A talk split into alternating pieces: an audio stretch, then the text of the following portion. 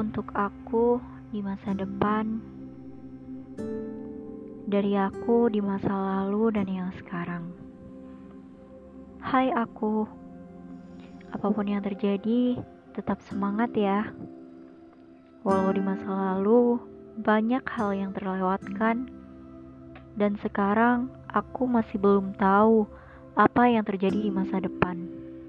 Tapi aku harap di masa depan aku tetap bahagia dan tetap kuat walau dunia memang tak adil. Tapi aku mampu menjalaninya dengan senyum terbaik yang aku miliki.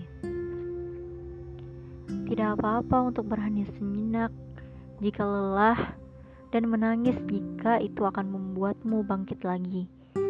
Jangan pernah berpikir untuk menyakiti dirimu sendiri, apalagi menyerah dengan hidupmu. Tegakkan punggung dan bangkit kembali dengan penuh semangat. Ciptakan kebahagiaanmu sendiri dan jangan menyerah.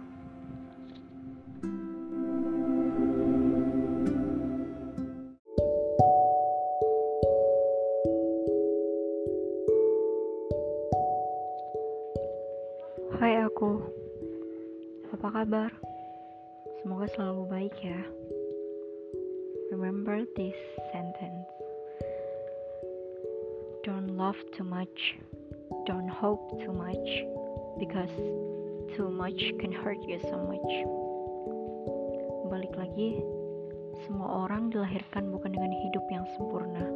Nobody's perfect, right? Take a chance to become a better person and never give up. Everyone has bad days, so just pick yourself up and keep going.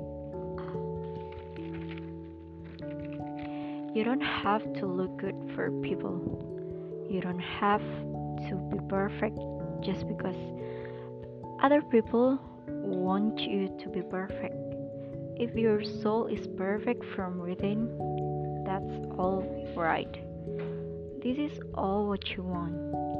This is all what you need to be. And don't forget, work in silence and don't and don't let anyone know like what next step you're gonna take. When you tell people too much then people have expectation of you. It's not that is expectations. It's maybe like the negative energy that they're putting on you without you even realizing it. Don't let anyone know what you're doing and then one day let your success scream for you.